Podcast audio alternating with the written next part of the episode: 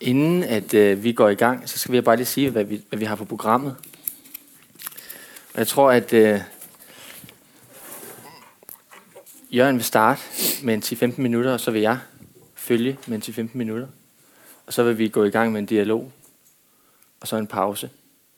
Og så øh, er planen og håbet, at, øh, at vi kan på en eller anden måde inddrage og skabe, et, øh, skabe nogle åbninger. Vi vil læse op, også efter pausen, ganske kort. Og øh, ja, Dette har vi ikke gjort før, så vi kommer til å føle oss fram.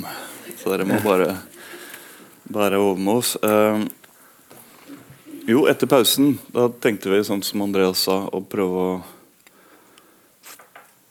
Vi har jo gjort oss noen erfaringer på godt og vondt etter hvert. Så da må dere bare hoppe inn. Hvis ikke så prøver vi å dra dere inn etterpå. De som har noen eh, forlag i magen eller annet. Ja, jeg skal eh, bare begynne med å fortelle litt om hva jeg har drevet med, sånn ganske kort. For det er jo ikke opplagt for alle dere her. eh. siden Jeg tenkte jeg skulle begynne med å lese noe som jeg skrev til en arrangementsrekke på noe som het Folkebiblioteket i Oslo for en del år tilbake. Som var en uh, arrangementsserie uh, satt i gang av Pål Bjelke Andersen uh, på Deichmansk bibliotek på Grünerløkka i Oslo. Som inviterte inn ymse mer eller mindre politiske praksiser og litterære praksiser. også. Jeg bare slo meg at eh, det som jeg skrev den gangen, apropos det bransjeaktige, eh, kunne ha, ha noe med dette å gjøre. Det er ingen tradisjon for småforlag i Norge, skrev jeg da, i motsetning til nabolandene. Da tenker jeg på Sverige og Danmark. Det jeg tror at det er en følge av de store forlagenes dominans i Norge og definisjonsmakt. Som igjen er en følge av den etablerte norske litteraturpolitikken. Da tenker jeg først og fremst på innkjøpsordningene, som har vært en stor gave til norsk litteratur på mange måter. Men eh, den tryggheten og den forutsigbarheten som det gir for uh, forlagene, uh, den har også en bakside. De store forlagene dominerer på en måte det litterære feltet, i hvert fall som det ser ut for folk flest. De kan utgi marginale diktsamlinger uten økonomisk risiko, f.eks. Tjener gode penger på det, og de ønsker heller ikke noen endringer på det bildet. Eh, De utfordrer ikke sjangerne. altså Innkjøpsordningen er delt inn i prosa, lyrikk, dramatikk. Eh, og i den økonomien der så har de små forlagene ikke noe naturlig plass, tenker jeg. Så Hvis det er det historiske bakteppet for hvor, hvorfor det er såpass lite småforlagsdrift i Norge, så, så Ja, det er i hvert fall men så tenker jeg, altså Vi plasserer oss begge to utafor den økonomien. Utafor all fornuftig økonomi, egentlig. Uh, vi snakka litt om det tidligere i dag. Hva, hva er hvorfor begynte vi med dette her? Og jeg for min del uh, altså Hva er motivasjonen? Hvis dere starter et forlag eller tidsskrift for å tjene penger, så ikke gjør det. Det er en dårlig butikk. Uh, men mange gjør jo det for å fordi de kanskje vil ha et jobb i et forlag, fordi de kan bruke det seinere sånn sett. Eller de vil jobbe med bøker og tekster sjøl. Alt det her er bra. Men uh, for min egen del så begynte det med at jeg tidlig på 2000-tallet forelska meg i en bok av en franskmann som heter Emmanuel uh, Ocar, som, som jeg hadde lyst til å oversette. Jeg kunne ikke fransk, jeg hadde ikke noe forlag. Uh, og da viser det seg etter at jeg har snust litt rundt, at det er veldig enkelt å starte et forlag. Du trenger egentlig bare en tittel og en forfatter. Også, det kan vi snakke mer om etterpå. Det er kjempeenkelt å starte forlag i Norge. Å sende en e-post og så vente en uke, og så er du i gang. Um, jo, så jeg ville oversette den boka, og for å kjøpe rettighetene så måtte jeg jo ha et forlag. Så da starta jeg et forlag som jeg kalte for H-press. Uh, det var den ene motivasjonen. Den andre var at når jeg etter å ha bodd litt i Frankrike og, og, og lest litt rundt omkring i amerikansk og, og fransk litteratur, så møtte jeg en del sånn, det man kaller for chapbooks. Altså småbøker, eller småtrykk, som det heter i bibliotekene. Altså korte, små bøker, gjerne på 8, 12, 16, 24 sider. Så lurte jeg på hvorfor, er ikke noe, hvorfor finnes ikke denne type formater i en norsk sammenheng. Og det som jeg også slo meg, altså det blir helt andre typer tekster eh, når du jobber med helt andre formater. Eller begrensninger i en eller annen form. da. Som det ikke var så mye av i Norge. Fantes mye mer av det både i Sverige og Danmark. I hvert fall tidlig på 2000-tallet. Eh, så det var også noe av det jeg ønska å få til da, på et eller annet vis. Så jeg starta et lite forlag som het Håpress. Og etablerte uh, først en bokserie som kalte for Serie Imperativ. De ser sånn ut.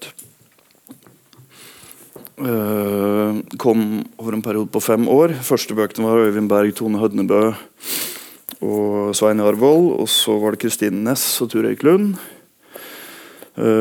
Erling Legereid, Ole Sunde og Aud Olsen. De ser sånn ut i en ganske sånn pocket-aktig format. Alle disse på baksida har en eh, der står det serie imperativ og et slags motto. Hvorfor skrive hva hvordan? Altså En ganske sånn poetikkramme. Altså, så hvis det fantes en ramme for denne serien, så var det poetikken. Altså Alle som ble invitert inn, visste at de kom til å på en måte gi ut en bok hvor det sto dette på baksida. Og så kunne de jo velge å forholde seg til den på en måte begrensningen eller merkelappen på noen prøvde å svare ganske eksplisitt på politikken, f.eks. Tone Hødenbø. Mens andre skrev som de pleier. Politikk i praksis. Uh, og Så etablerte denne serien. og de, altså Innkjøpsordningene var jo sånn at uh, tidligere at en bok måtte være på 48 sider for å kunne bli innkjøpt i bibliotekene. Jeg tenkte å lage en, det er også en av grunnene igjen da, til at forlag ikke utgir korte bøker. fordi de blir ikke innkjøpt. så Det sier seg egentlig selv. Men så er jo det også et argument tenkte jeg at for at de burde støtte, altså Kulturrådet, eh, en bokserie eh, med kortere tekster. Og Den argumentasjonen kjøpte de for så vidt, og så fikk vi støtte til denne serien i, i to år. Første året med Rune Kristiansen, uh, Silje Vetal og Thomas Høspedal. Og så var det Karoline Bergwall og Morten Øen og Hildegunn Dale. Det siste året. Det kom tre bøker hvert år. Og De er da ikke å finne på biblioteket, dessverre. Men uh, ja. Tanken her er jo her er det ingen tematiske begrensninger. Her er det det formelle. Oppdraget for disse, Alle disse forfatterne er invitert inn i disse rommene for å skrive et eller annet. Her er det en formell begrensning, rett og slett. At, uh, at du har ikke lov å skrive mer enn 32 sider. Uh, Utover det skulle hun gjøre hva du vil. Så skrev Karlin Bergwall 36 sider, og så gikk det bra også. Um,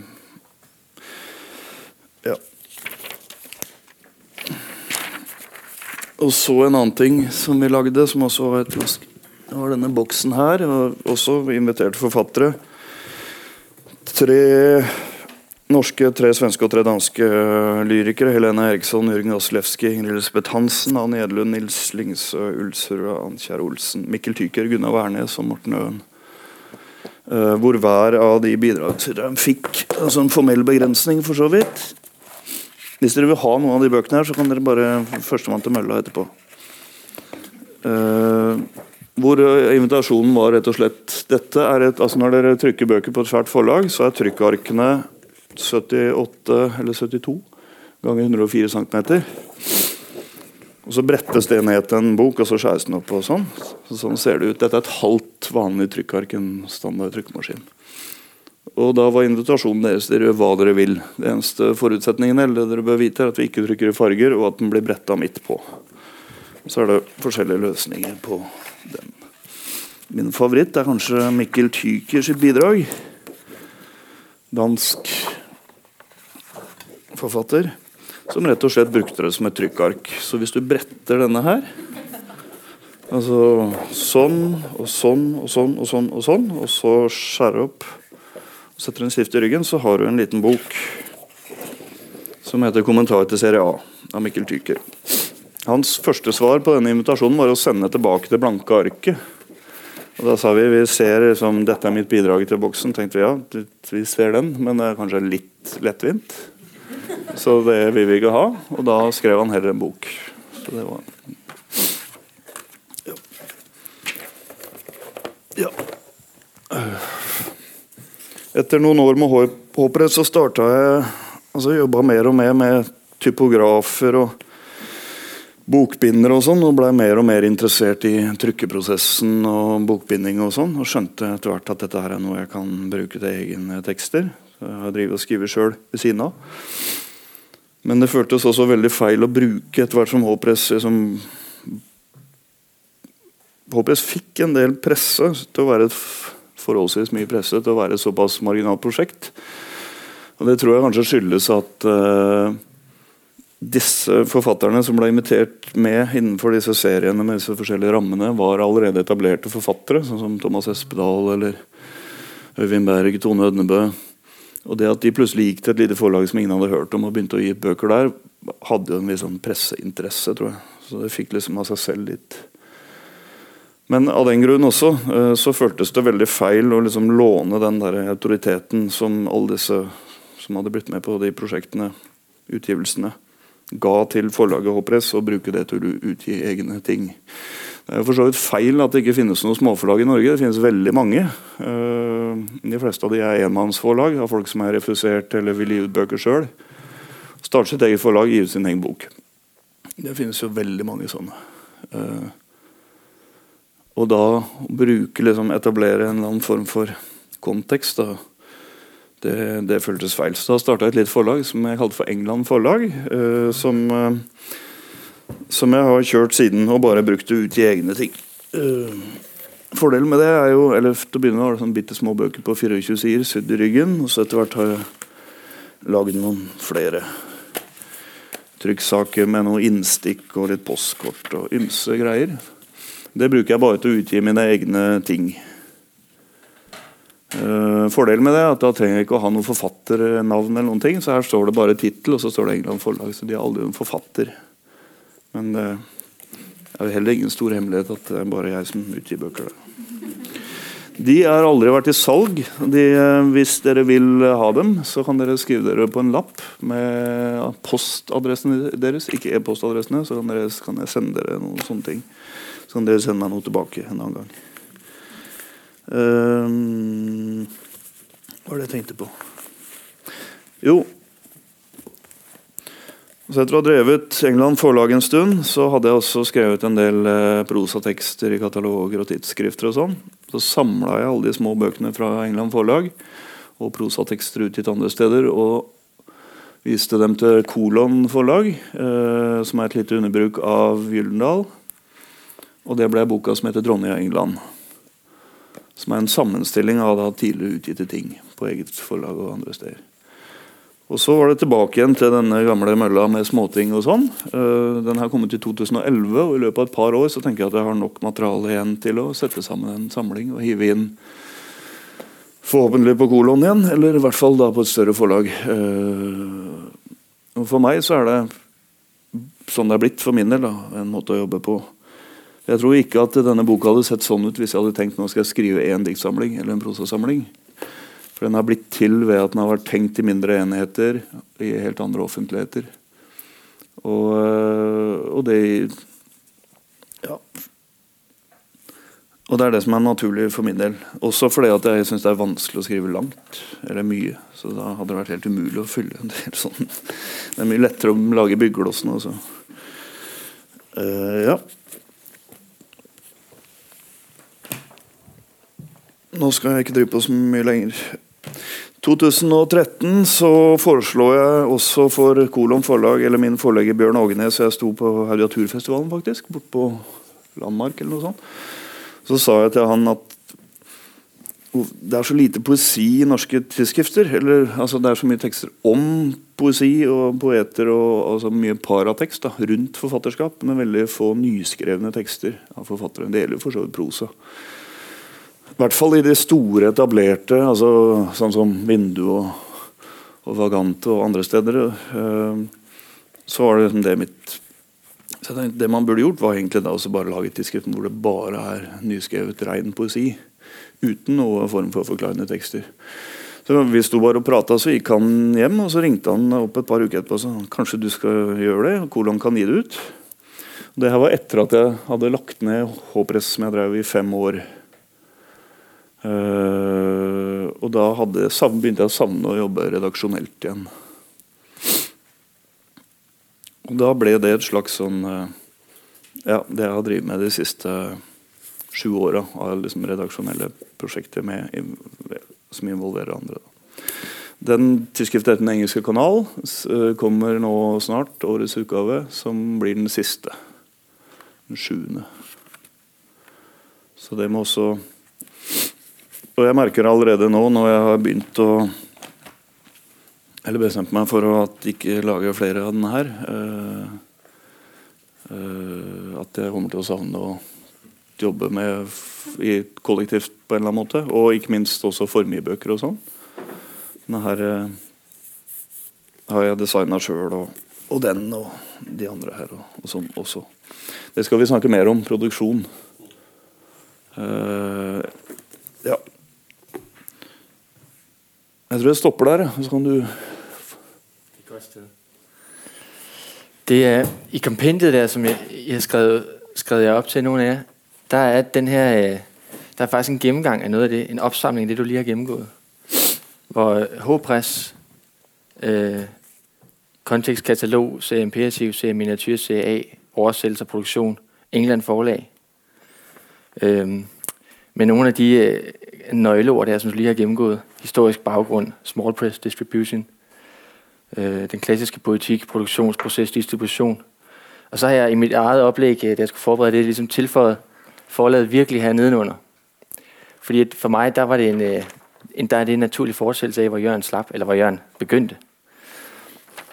Altså, da jeg kom til øh, Sverige og studerede på litterær gestaltning, der øh, var Jørgen lærer, og Thomas var lærer. Og jeg kom fra København, hvor øh, mit indtryk var, at arbejde som forfatter, det var at øh, sidde med Word, og så arbejde en tekst frem, og så bede til Gud om, at der var nogen, der ville tage den fra en. Øhm, at, øhm, at der var, man kunne arbejde sig op til et punkt, og så måtte man simpelthen slippe det. Og øh, noget af det første, der skete på litterær gestaltning, det var, at øh, Jørgen blev inviteret ind til at holde et oplæg om nogle af de samme ting, som han har sagt i dag, hvor øh, man bliver præsenteret for øh, redaktion som et fagligt redskab, produktion og distribution. Altså tre redskaber, som jeg ikke havde nogen forestilling om, at man kunne tænke med i et litterært arbejde. Øh, det var for mig var det øh, et øh, for mig var det bare sådan puff, og så var det øh, en, øh, med en tilgang, som sagde, øh, vi ønsker oss flere konkurrenter. Vi ønsker, at du hadde liksom sådan en tilgang, jeg ønsker, at noen av jer skal starte et forlag side om side med meg. Det er også en, en tilgang, som er med til å på en eller anden måde vende noen ting på hovedet i min forståelse av hvordan det kunne, kunne være sådan et arbeidsfelt her.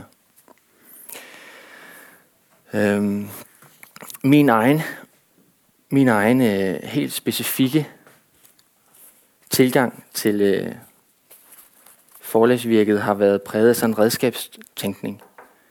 Jeg boede en overrække i, jeg ved ikke, kan jeg sende dem her rundt, og så kan de, kan de blive delt ud. Jeg boede en overrække i Paris, hvor jeg studerede politik hos en fransk forfatter, der hedder Leslie Kaplan, som jeg ved flere af jer kender. Øh, hun har sådan en, øh, hun har sådan et billede i den der tekst om, at øh, litterært arbejde, det handler om at skabe kontakt til de øh, erfaringer og oplevelser, som man ikke tidligere kunne tænke med. At øh, hun har et eksempel i teksten, hvor øh, en, øh, en, øh, en kvinde, hun møder, fortæller en historie om, at hun som, som lille pige så så sin mor dræbe sin far.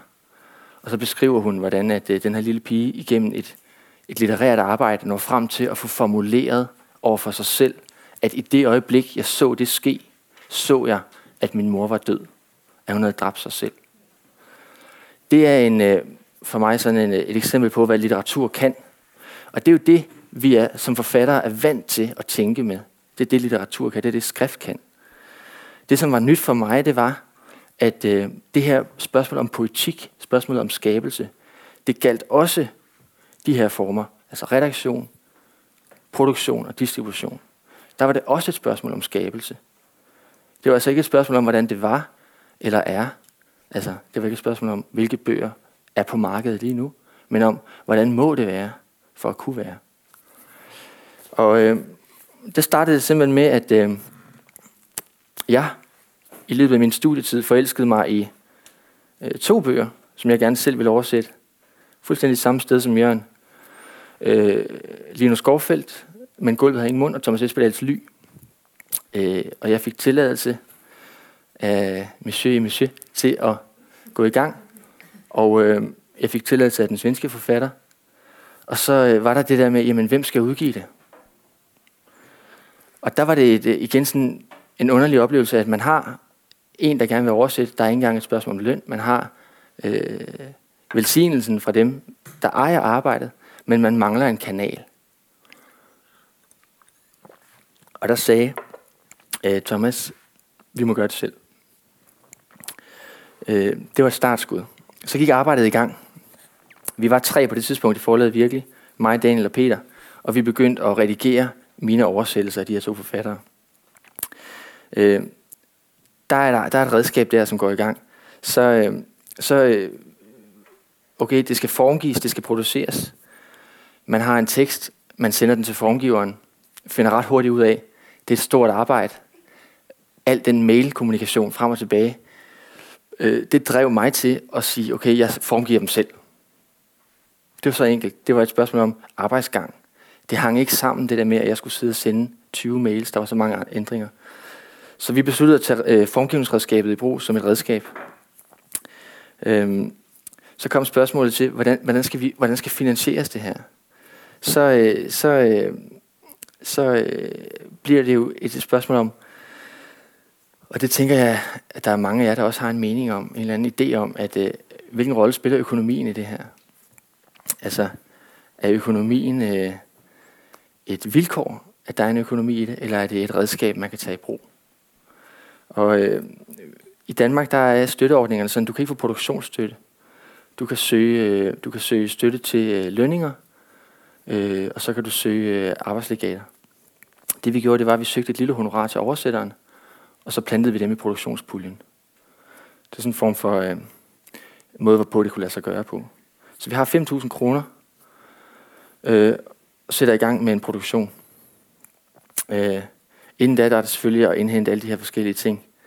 Øh, ISBN og øh, finde ud af, hvordan fungerer det her. For eksempel, hvis man har et ISBN-nummer, hvor skal det registreres?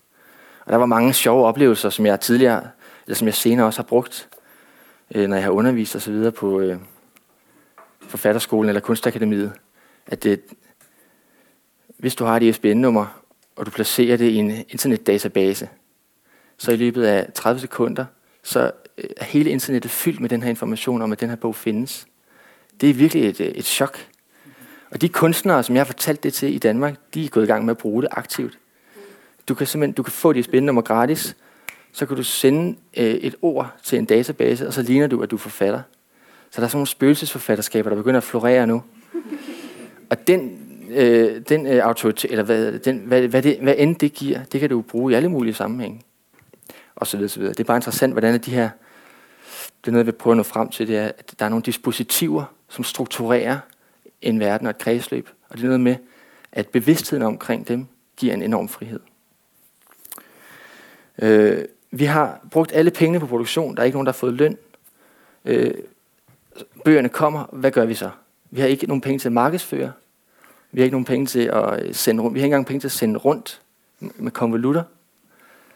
Øh, så, så beslutter vi å innføre en, å at tage den der parole fra Jørgen, som også står på øh, det her charter, som er kompendiet, litteraturen i egne hender, bokstavelig.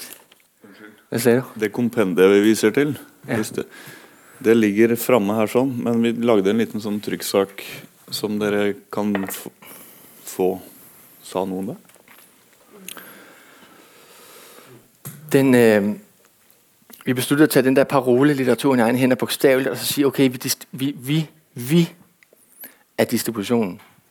Vi havde et oplag på 300, og så sagde vi, 100 af dem giver vi væk gratis, og så ser vi, hvad der sker. Det, der så skete, det var, det var øh, en kæmpe stor aha-oplevelse, det var, øh, de der 100 bøger, de solgte simpelthen de andre 200. Folk begyndte at snakke om det. Øh, bøgerne forsvandt. En kæmpe, kæmpe stor oplevelse. Siden da, har vi kørt med, at øh, en tredjedel af oplaget har været øh, til bytteøkonomi, sådan helt praktisk. Vi har ikke lavet en eneste reklamation. Forlaget virkelig, der er over 50 titler, over 50 titler. Vi har ikke reklameret på noget tidspunkt. Vi har ikke øh, kørt nogen, nogen form for, for, for øh, vi har ikke engang Facebook, vi har ikke Instagram. Vi har kun en tredjedel gratis, og så forsvinder de andre bøger. Over halvdelen af bøgerne er udsolgt fra forlaget. Det er virkelig en, en stor erfaring for mig. Det var første eksempel. Bøgerne her, øh, det var den første serie, serie vi kom til at se sådan her ud. Så havde vi en anden workshop med Jørgen, som, øh, som øh, tog udgangspunkt i, hvad er den mindste enhed i en bog? Altså, hvad er det ligesom, hvad har vi ligesom at gøre med? Hvor han, hvor han tog udgangspunkt i, i det trykark, som han også viste før, og kom med, med det treark og sagde, hvad kan vi bruge det her til? Foldede det. Øhm. Og så lærte jeg så syg, jeg har redskaberne med her, jeg tænkte, jeg kunne vise øh, i pausen eller efter, hvis der er nogen, der er hvordan man rent faktisk gør. Øh, her har vi et skillingstryk, som har været i spil i Europa siden øh, romeriet, kan man sige.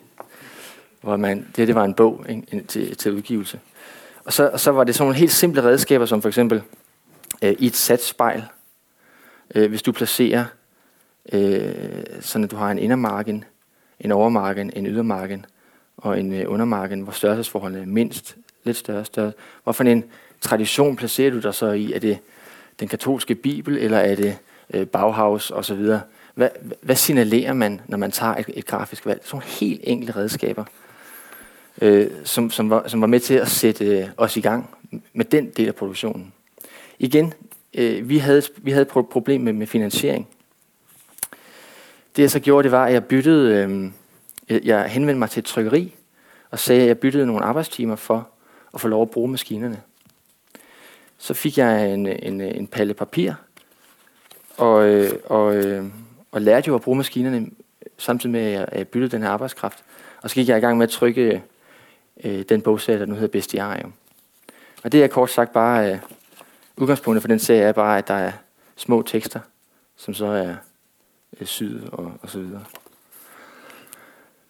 Øhm, der var en, øh, der var en, øh, en pangdang der, hvor at, øh, den der historie om, øh, at bøger i Norge ikke ville blive indkøbt, hvis, hvis, de var over, øh, hvis ikke de var over de her 48 sider. EU-direktivet havde jo selvfølgelig rystet mig og sat mig på sporet af noget i Danmark, som var fuldstændig tilsvarende.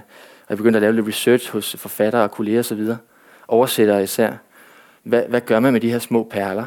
Og det viste sig bare, at over hele linjen var der bare sådan frustration og en, øh, et behov for, at de her små ting, mindre ting, en Rilke-poetik, en Hertha Müller-poetik, øh, Ly, som i mine øjne er en, en vigtig bog i SPD's forfatterskab, alle mulige. Der var ikke et marked for dem, fordi at øh, øh, man tænker, øh, produktionsprisen man kan ikke, altså, du kan ikke sælge, du kan ikke sælge dem for det, der skal til, og hvis det er de store EU-puljer, du kan ikke få støtte til det, for det tæller ikke som bøger. Så jeg gik bare i gang med at skrive rundt til dem, jeg kendte af oversættere, for at indhente de her små bøger. Og så har jeg skabt sådan en lille fold af det, jeg så kalder bæster. Øhm, det var sådan et meget konkret eksempel på, hvordan at nogle af de der paroler, som er i spil, bytteøkonomi, får en helt konkret praktisk betydning. Øhm,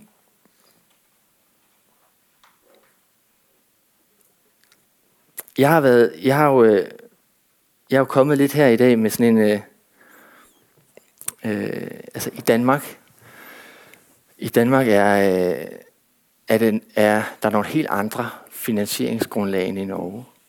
Og jeg har svært ved at øh, vurdere, hvad der er godt og hvad der er skidt. Men, men det man i hvert fald kan se, det er, at øh, det skaber nogle helt forskellige mønstre.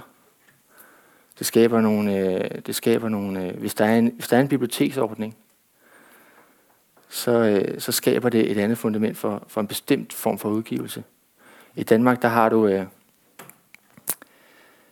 øh, der, har, der har bibliotekerne øh, lavet en, en regulering, som sier vi køber inn efter øh, efterspørgsel. Så øh, en oversatt diktsamling blir kun købt inn hvis den blir anmeldt. Og øh, så blir den første omgang købt inn i fem eksemplarer til hele landet. Øh, hvis der så blir lånt noen hjem, så kommer der en bestilling på 25. Hvis der så kommer, blir lånt noen flere hjem, så kommer der en bestilling på 75. Øh, det betyder, at, øh, at øh, over halvdelen af, de, af den oversatte litteratur i Danmark bliver ikke købt ind på bibliotekerne.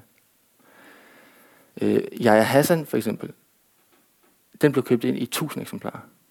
Dan Brown blev købt ind i 1000 eksemplarer. Det er helt vildt, øh, hvad det gør. Og det betyder jo bare, at der er ikke nogen... Øh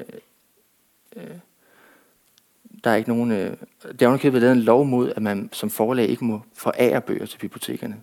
Så man kan ikke engang forsyne selv. Det havde vi også tænkt på, at det vil vi gøre. Men, men det må man simpelthen ikke.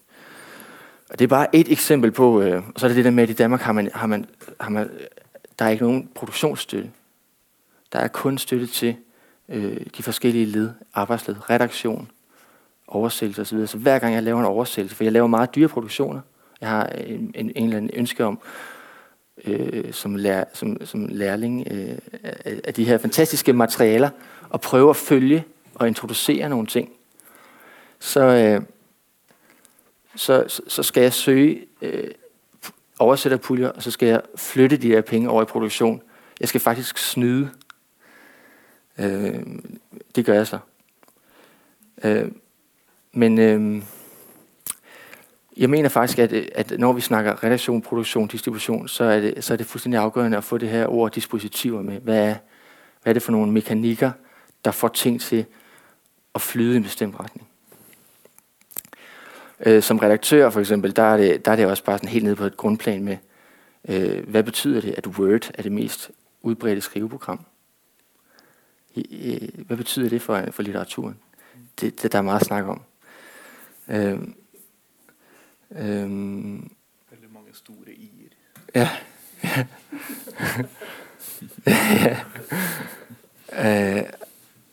jeg har sådan en oplevelse af, at, øh, at, at øh, nu har jeg været en, en, en del rundt og undervise os, og i Danmark, der har man sådan en, øhm, i forfatterskoleregi, og i den, i den, den del af uddannelsesverdenen, der har man ikke, man er ikke vant til at tænke kollektive former, og man er ikke vant til at tænke, øh, at forfatteren skal forberedes på, Hva var det, som du sagde, Linda, øh, at have mange ben at stå på. Der ble liksom lagt opp til, der skal være det her ene, en skrivepraksis, og så skal den bare være så god, at du kan gøre, at du kan få det her øh, forhold til forlagene, som så vil bære deg igjennom. Det er, ret, det er en ret destruktiv måte å utdanne folk på, fordi at det er måske en ud af 100, der kan, der kan leve af det på den måde. Hvorimod i praksis, så er det jo sådan noget med at organisere festivaler, oversætte, øh, redigere, alle de der små ting. Og de der redskaber, de skal simpelthen i spil. Øhm, man kan sammenligne med, med, med Kunstakademiet i Danmark, hvor man har det som en led i uddannelsen og tænke, alle led af... Man kan ikke være en, man kan ikke være en kunstner i dag, hvis ikke man har problematiseret samtlige dele af sin praksis, lige fra hvilken type gulv der er i det udstillingslokale, man bruger øh, hvordan, hvilken farve maling har det på, hvilken tradition signalerer det osv. Det, det, det, er det samme, det er det samme for en, øh, mm. for en forfatter, tænker jeg, at det er sådan noget med, lige fra det maskinprogram, man sidder og skriver i, hen til, hvad har man en forestilling om, at der er nogen, der på et tidspunkt vil gøre for en. Altså alle de der led skal simpelthen i spil. man kan ikke tage noget for givet. Øhm,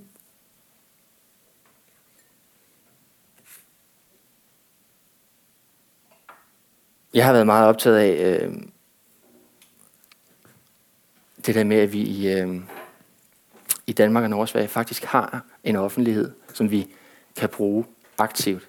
Jeg har været i Kina og i Ægypten og snakket med andre forlæggere, som har nogle helt fuldstændig andre spilleregler. Øh, og der, der er en eller anden... Øh, hvis, man, hvis man har øh, den der, det der kendskab til, at der i andre samfund skal du betale store summer for at få lov til at købe et ISBN-nummer, som så skal sendes til censurmyndighederne, som så fastsætter en pris for, hvad det koster at udgive den bog, osv. osv. Grund til at nævne det, er, fordi man har, øh, man har meget snak om åh, litterær offentlighed osv., og, så videre, og hvad kan vi bruge den til, hvad kan vi forvente af den osv., men faktum er, at vi i de her lande har et operativt system, og det eneste, der skal, der skal gøres, det er bare, at de forskellige led skal aktiveres, så de kan tages i brug. Øhm. Nu har jeg vel også snakket lidt. Bra det, nå er vi varme.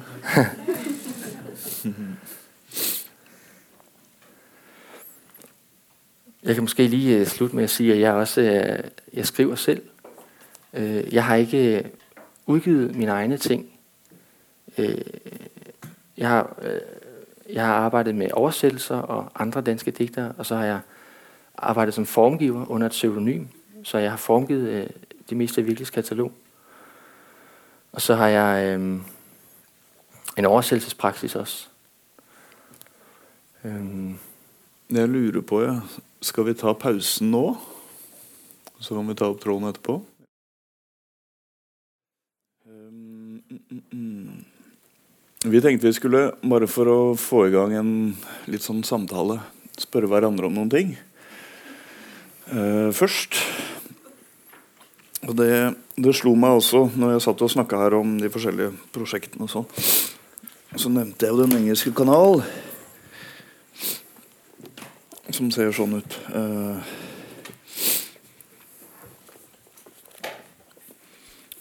som Andreas også har Dette er et ganske sånn subjektivt redigert prosjekt med mange av de samme bidragsyterne fra år til år osv. Og, uh, og ikke noe forklarende tekst rundt tekstene.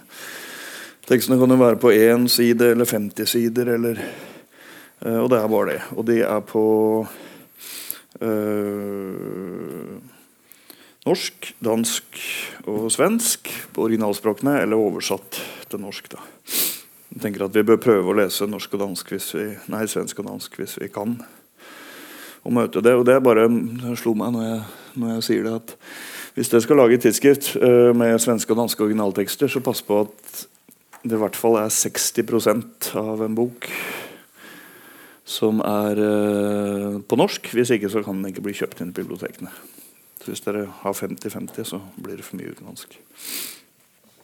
Men dere kan altså fylle den med 40% svensk og dansk. Det er jo bra. Uh, denne, dette, jeg snakker om det som et tidsskrift. Den kommer ut en gang i året. Det er, altså, den blir kjøpt inn på Lyrikk. Uh, innkjøpsordningen. Hvis ikke så hadde vel ikke Kolon forlag gitt den ut, tror jeg. Så har jeg fått lov å velge et skikkelig papir. Tungt og godt papir, fargetrykk. Andreas er med her med uh, noen veldig fine grafiske arbeider. Har vært med mange mange år. Og er også med i årets utgave som kommer, uh, kommer om noen måneder. Da skriver jeg i et bitte lite ett ord. Skal vi se.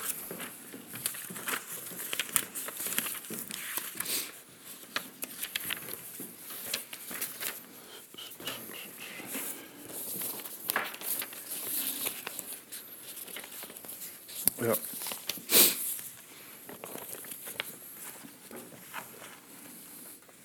Her er dette etter året i den engelske kanal 2019. Oslo øh, 31.1.2019. Jeg skrev i forordet til den første utgaven av Den engelske kanal 2013. Sitat. Jeg savner poesi når jeg leser norske tidsskrifter. Den engelske kanal, en årlig antologi for inviterte forfattere, er et forsøk på å bøte på dette. Sitat slutt. Årets utgave, den syvende i rekken, er den siste inntil videre. Tusen takk til alle forfattere og oversettere som har bidratt. Dette tidsskriftet er dedisert til dere. Takk også til forlaget Kolon for tilliten. Jeg vil fortsatt savne poesi når jeg leser norske tidsskrifter. Jeg håper noen tar opp hansken. Og så sendte jeg det til Andreas. Uh, og fortalte at liksom, det skulle bli den siste utgaven. Og da svarte han dagen etter eller noe sånt at ok, da starter jeg opp igjen i Danmark. Så Han tok altså opp hansken med en eneste gang. Og det har jeg, jeg har lyst til å spørre deg om Vi møttes allerede i går her, men jeg har liksom holdt igjen med å spørre om det. Fortell meg litt om, mer om hva, hva er det hva, hva slags tidsskrift er det du skal lage? Yeah. Og hvorfor? Det er så godt spørsmål. Uh, jeg tror, jeg har været sindssygt optaget af, jeg henter lige en publikation. Uh, på det charter der, som er i kompendiet, der står der redaktøren som kurator og redaktionel æstetik. Og noget, der har været en stor fornøjelse øh, i arbejde som redaktør, et af de redskaber, man har til rådighed, det er jo det der med, at man kan kombinere ting. Altså man kan kombinere et værk med et andet værk, og så er der, er der et tomrum imellem, og det tomrum, det er aktivt. Det er pludselig i spil.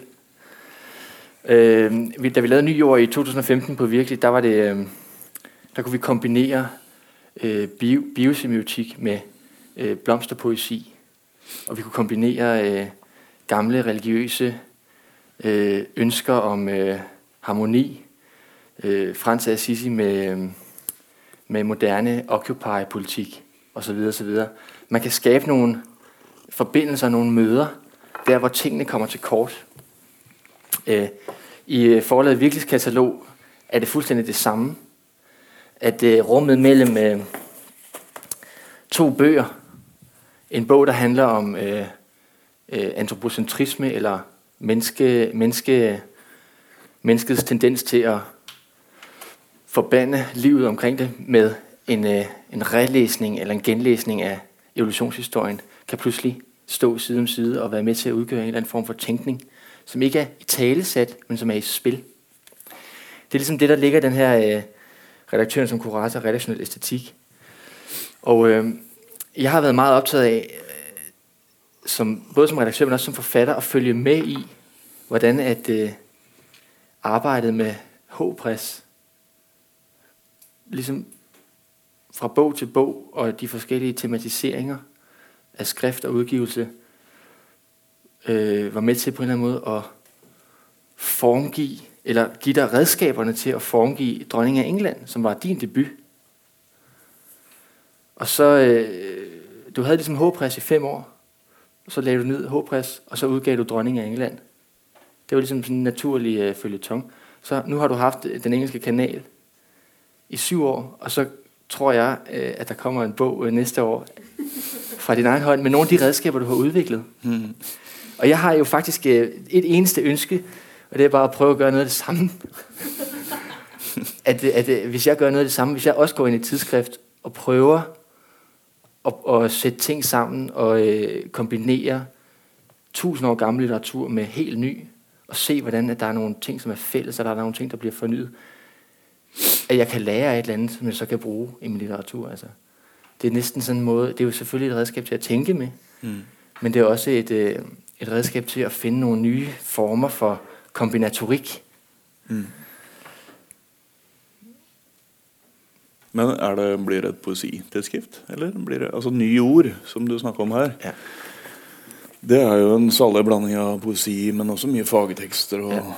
og Jeg tror, det blir et uh, poesitidsskrift på den måten at uh, hvis man har en... Uh, det er noget af det, der har været interessant, og noget af det, som jeg lød mig inspirere af ved Håbrest, det var, at der ikke, hvis du ikke har en uh, genrebetegnelse på bogen, hvis du ikke har en bagsideskrift, der forklarer, at det er et mesterværk, eller at det er et, uh, en novellesamling eller et prosesamling, hvis bogen bare kommer, så sidder læseren sådan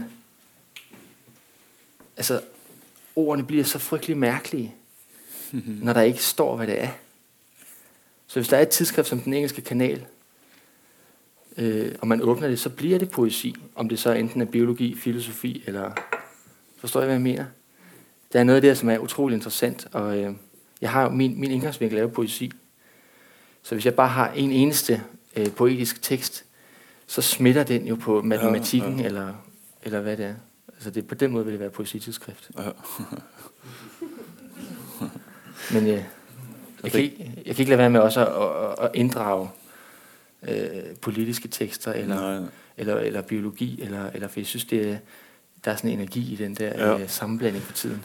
Og det kommer jo til å bli altså, ditt, ikke sant. Altså, som jeg sa om den engelske kanal. For meg så har det vært et ganske sånn subjektivt redigert prosjekt. Altså Jeg har invitert oversettere til å oversette tekster som jeg har valgt i utgangspunktet. Uh, enten alene eller i samarbeid med dem. Og de andre forfatterne har invitert inn til å skrive noe nytt. eller noe sånt. Så det blir jo ganske navlebeskuende på mange måter. Når den første utgaven kom ut i 2013, så fikk den kritikk i Klassekampen for at dette er en bortkastet mulighet til å vise bredden i norsk poesi osv. Og, så og det har han jo helt rett i, han som skrev det. For, men det var heller ikke poenget. Og eh, etter å ha gjort det da noen år, så blir det tydelig at dette er et subjektivt redigert prosjekt, hvor poenget ikke er å vise bredden i det hele tatt, men snarere peke på et fellesskap av folk som ikke nødvendigvis skriver samme type poesi, eller noe sånt, men at dette å insistere på at vi kan, Det er noen nye navn fra år til år, men så er det også gjengangere. Gunnar Berge for eksempel, er den eneste som har vært med alle årene. Andreas har vært med i fem år, tror jeg. Eller fire, i hvert fall. Uh, Claude nå har jeg oversatt løpende uh, i Den engelske kanal, i takt med at han fra fransk, i takt med at han har eh, utgitt i et tidsskrift i Frankrike, så har de kommet også på norsk her, liksom, parallelt. Og det å insistere på den type altså, Sånn sett så lages jo f.eks. veldig mange tidsskrifter i, i Frankrike og USA og sånn på i den small press-verden. Men det er ikke så vanlig i, i en norsk sammenheng, f.eks. Så jeg ville jo peke på en annen måte og, og en annen type redaksjonell praksis, på en måte. Altså ikke, ikke være så redd for eh, at det er smalt og, og sånn. Og, og stole på at det blir tydelig etter hvert hva det er for noe. Altså en annen type redaksjonell praksis. da. Og Samme anmelderen løfta fram den her i fjor liksom, som en av årets beste bøker i Klassekampen i fjor. Ikke for å skryte av det, men eh, det viser jo også at, at eh, at det blir tydelig da, for, de, for leserne hva dette her er for noe, men det krever en viss tålmodighet og langsomhet. og sånn. Eh, Så det som eh, han etterlyste bredden, forsto liksom at det ikke var det som var poenget. i det hele tatt, Og så kan han se liksom hva det er for noe, og sette pris på det etter sju år. Eller men, men det er jo altså Poesien er en, den kan gå fort, men den er også veldig langsom maskin. Men jeg kan spørre deg til gjengjeld at det der med, at øh, øh, et av de punkter på, øh, på det charter, som er i kompendiet igjen, igjen, det er det der ord deltagelse. Og det synes jeg er det noget af det væsentlige for mig, at det, øh, det her arbejde, at tage, at tage de her ting alvorligt, de her formater, det er, at man giver sig selv muligheden for at deltage i litteraturen, i det, som er litteraturen. Og jeg oplever det der med, at øh, du har, du har øh, Øh, du, har, du har flere gange nævnt det der med bogen som proces. Og jeg tror, der er noget der, som er kerneagtigt, og det er interessant også at høre, hvad I tænker om det, i forhold til det med, hvorfor skal man egentlig starte forlag? Øh, starter man forlag for at udgive øh, noget, som andre udgiver, eller starter man forlag for at gå ind i et arbejde, som kan overraske? Altså næsten som et skrivearbejde. Man ved faktisk ikke, hvor det vil føre en hen. Mm. Og det er interessant det der med, at du skiftede fra at drive forlag med selvstændige værker, til at gå til tidsskrift. Og vidste jo faktisk ikke helt, hvad det indebar. Og hvem ved, hvordan det vil påvirke næste øh, eget arbejde. Mm. Og så videre. Men hvad tænker du om det der med at... Øh,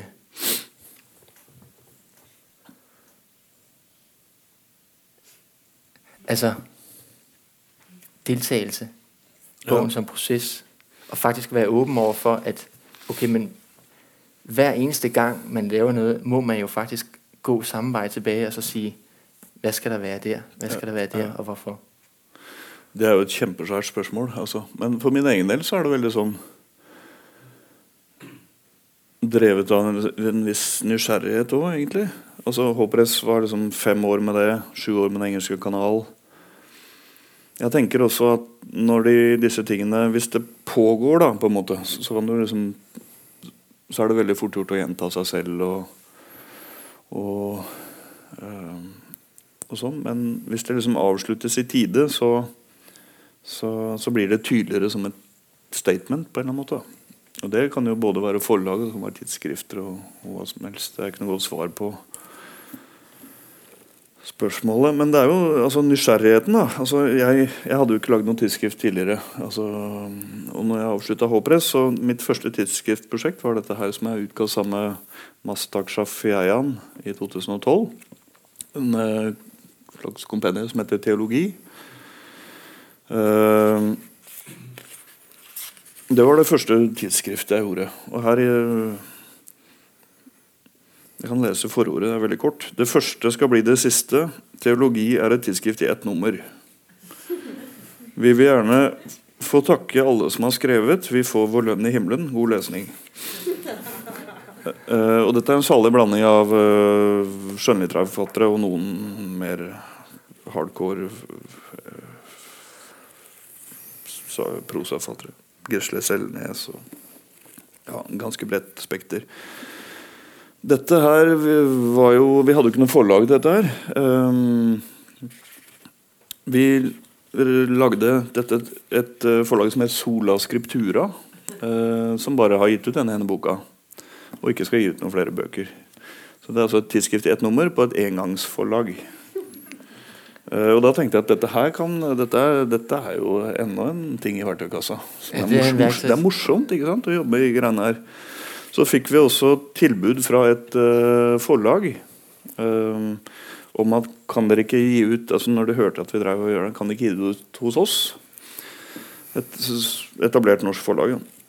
Ikke så viktig hvem det var. Men, uh, men, og da hadde vi jo plutselig hatt Vi hadde hatt trykkepenger, vi hadde hatt distribusjon, alt det der som er vanskelig når du driver et lite forlag. Og da, Det var jo veldig fristende. altså At det blir sendt ut til bokhandler og alt det der som er vanskelig å få til når man driver sjøl. Men samtidig så, så tenkte vi at uh, da blir det plutselig bare en usynlig utgivelse. Uh, eller ikke usynlig, men det liksom, hvis dette hadde vært en Gyldendal-bok, det var ikke Gyldendal, så er det liksom bare en bok i Gyldendals katalog. Og, og, så tenkte jeg hvordan få ut dette greiene her, på en måte. jo, da lager vi et forlag, og da plutselig har det altså, Du bruker forlaget som en, et verktøy, da, ikke sant? så blir folk nysgjerrig. Pressene. Dette er også en utgivelse som fikk forholdsvis mye omtale i aviser og sånn til å være såpass perifert som det tross alt er. Og det tror jeg ikke det hadde fått hvis det hadde gått rett i Nyland-katalogen f.eks. Hva er dette for et forlag, hva er dette for en utgivelse? ikke sant? Altså Man trigger nysgjerrigheten til leserne. da. Mm. Som kan gå på bekostning av kanskje distribusjon. og sånne ting du må veie for og mot hverandre. ikke sant? Uh, ja. Det var vel ikke noe, noe svar på spørsmålet i det hele tatt. Jeg tenkte på en annen ting også i forhold til dette med å drive med tidsskrifter. Sånn. Det å sitte og skrive i hvert fall for min del, er jo en ganske sånn ensom ting som jeg også er veldig glad i. Men det å jobbe da med forlagsvirksomhet, bøker av andre, eller med tidsskrift Altså, kanskje i redaksjonen med andre. Altså, Ny Ord var jo en så stor redaksjon. Her er det jo bare meg, for så vidt. Men jeg jobber jo med bidragsyterne. Uh, for meg har det vært veldig viktig. Altså, bare å sitte og jobbe med mine egne ting. Så kan du liksom Jeg har jo lært alt jeg kan. Jeg er fortsatt en glad amatør, egentlig. Jeg, bare ved å jobbe med, med folk. Da. Stole på at man leser så godt man kan og designer så godt man kan og prøve å ha et ansvarlig forhold til de som har gått og lagd bøker før. og sånn. Prøve å lære seg redskapene. Liksom, for et sånt opprør som ikke har liksom noe historisk bevissthet for, formessig f.eks., for blir fort bare tomt. da, Eller fort ingenting. Um, så det er jo også noe å tenke på. tenker jeg. Altså, og hvordan kan det liksom påvirke din egen skriving? sånn som du spurte om i sted. Hvis, du ikke hadde gjort, hvis, jeg ikke hadde gjort disse tingene, altså begynt å jobbe med bokbindere og sånn, så hadde jeg aldri lagd England forlag. Hadde jeg ikke lagd England forlag, så hadde jeg ikke lagd de bøkene. Hadde jeg ikke lagd disse bøkene i små bøker, så ville jeg ikke kunne satt dem sammen til en bok på stort forlag. Uh, alt dette her er jo mye tilfeldigheter, ikke sant? Men det er en, um, en blanding av det der kollektive arbeidet og erfaringene kombinert med den der ensomheten som det er å skrive en bok sjøl, som jeg er veldig glad i. Men som også, hvis det står fast, så går det liksom an å gå til et annet sted, jobbe med andre, og så liksom veksle. Oversettelse også, sånn for min del. Det er veldig deilig å kunne slippe å tenke tekstene sjøl. Altså, de ligger der, og så kan du heller få det ut og funke på norsk. Eller og andre veien. Jeg har med en annen bok her som heter eh, 'Queen of England'. Som er gitt ut på et amerikansk forlag, som jeg har oversatt sjøl til engelsk. altså Dronning England-boka på engelsk. Og sånn når jeg sto helt fast, så bare begynte å oversette teksten til engelsk. Og, så kom... og, den er jo helt lik den uh, norske utgaven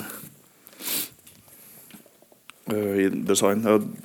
Og du har oversatt den til dansk. Mm. Og da ser den sånn ut.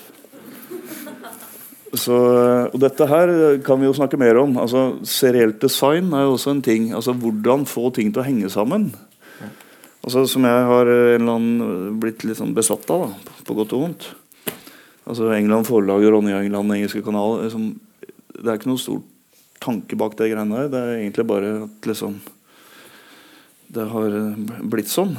Og så prøve å lage noen sånne usannsynlige broer mellom ting og større og mindre offentligheter. ikke sant? Lite forlag, stort forlag, tidsskrift. Uh, det er en måte altså, med, med, hva du kaller det. Men du kan jo også jobbe med det designmessig. Ja. ikke sant? Altså Farger eller formater eller Ting kan henge sammen på veldig mange måter. Ja. Det er jo nesten slående altså for der er sikkert mange av jer, der har oplevet det der med å få oversættelser tilsendt. Så er der jo altid blevet truffet en masse valg, og man får en bog, man måske ikke engang kan genkende med en eller anden. Der er et andet billede på forsiden osv.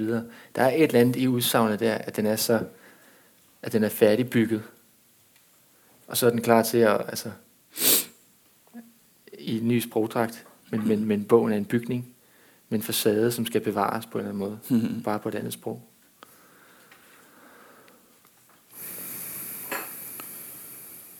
Ja. Jeg lurer Nå skal ikke vi bare sitte her og bekrefte oss selv og, og sånn. Er det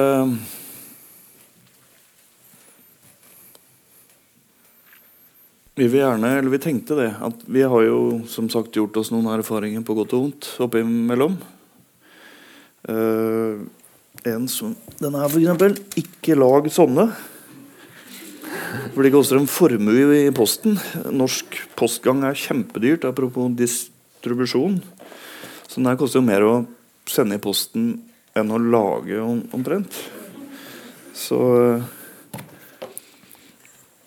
og, og, igjen, ikke sant? dette er jo veldig mye sånn Og virkelig også veldig mye forseggjorte trykksaker i forhold til papir og trykk. og og, sånn. og det må jo ikke være sånn heller. Det går jo an å gjøre ting helt motsatt. Altså, du kan gjøre veldig mye spennende ting med en kopimaskin eller Eller Det eneste er bare å liksom ha et bevisst forhold til estetikken, tenker jeg. Og Tormod? Ja.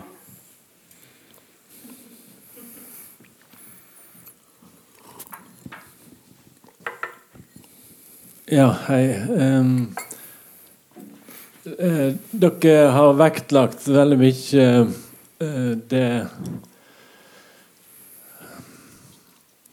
Altså et, eh, At det er veldig gøy å holde på, og at dette er en alternativ produksjonsmåte osv. Eh, eh, en er mye tettere på de ulike stegene og prosessene i, i frambringa av, ei bok. Eh, men dere har veldig lite Eh, berørt det økonomiske. Jeg tenker De bøkene dere viser fram, er jo ekstremt eh, profesjonelt lagd, altså. Sant? Dere har ikke sittet hjemme og sydd dem, og dere har ikke håndfarga omslag osv.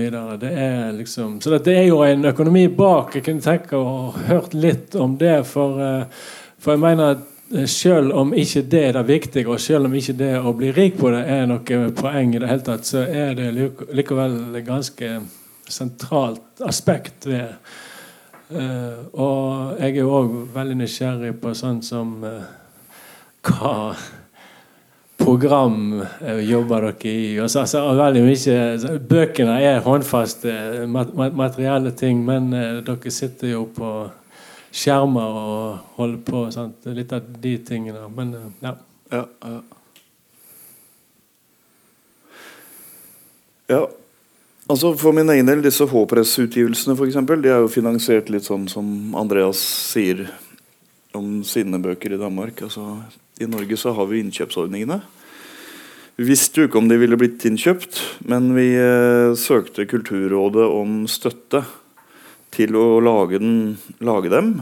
Liksom, og hvis de blir innkjøpt, så får dere tilbake produksjonsstøtten. da, og det var en sånn, og alle de bøkene ble jo innkjøpt, bortsett fra Tone Hødemø sin bok, som var eh, Hva var den? 36 sider, tror jeg. Nei, 40 sider. altså da, og Innkjøpsordningen var da 48 sider, så den kunne ikke bli innkjøpt. Men uh, uh, Så alle Håpris-utgivelsene er jo finansiert av Kulturrådet på en eller annen måte. Enten med prosjektstøtte, uh, altså du tegner opp prosjektet i en søknad, F.eks. miniatyrene sier disse bøkene finnes ikke i Norge. Dette formatet er ikke en del av den norske bokheimen. på en måte. Hvorfor ikke? Fordi støtteordningene er sånn og sånn. La oss prøve å lage et alternativ og se hva som skjer da. Og så er jo Kulturrådet det er jo ikke altså Nå sitter vi og snakker negativt om innkjøpsordningene, men de er jo en gave også. ikke sant? Og de folka som sitter der, er jo interessert i liksom bredden og og sånn, Så jeg bare bra erfaring med Kulturrådet. Og, og, det å få liksom da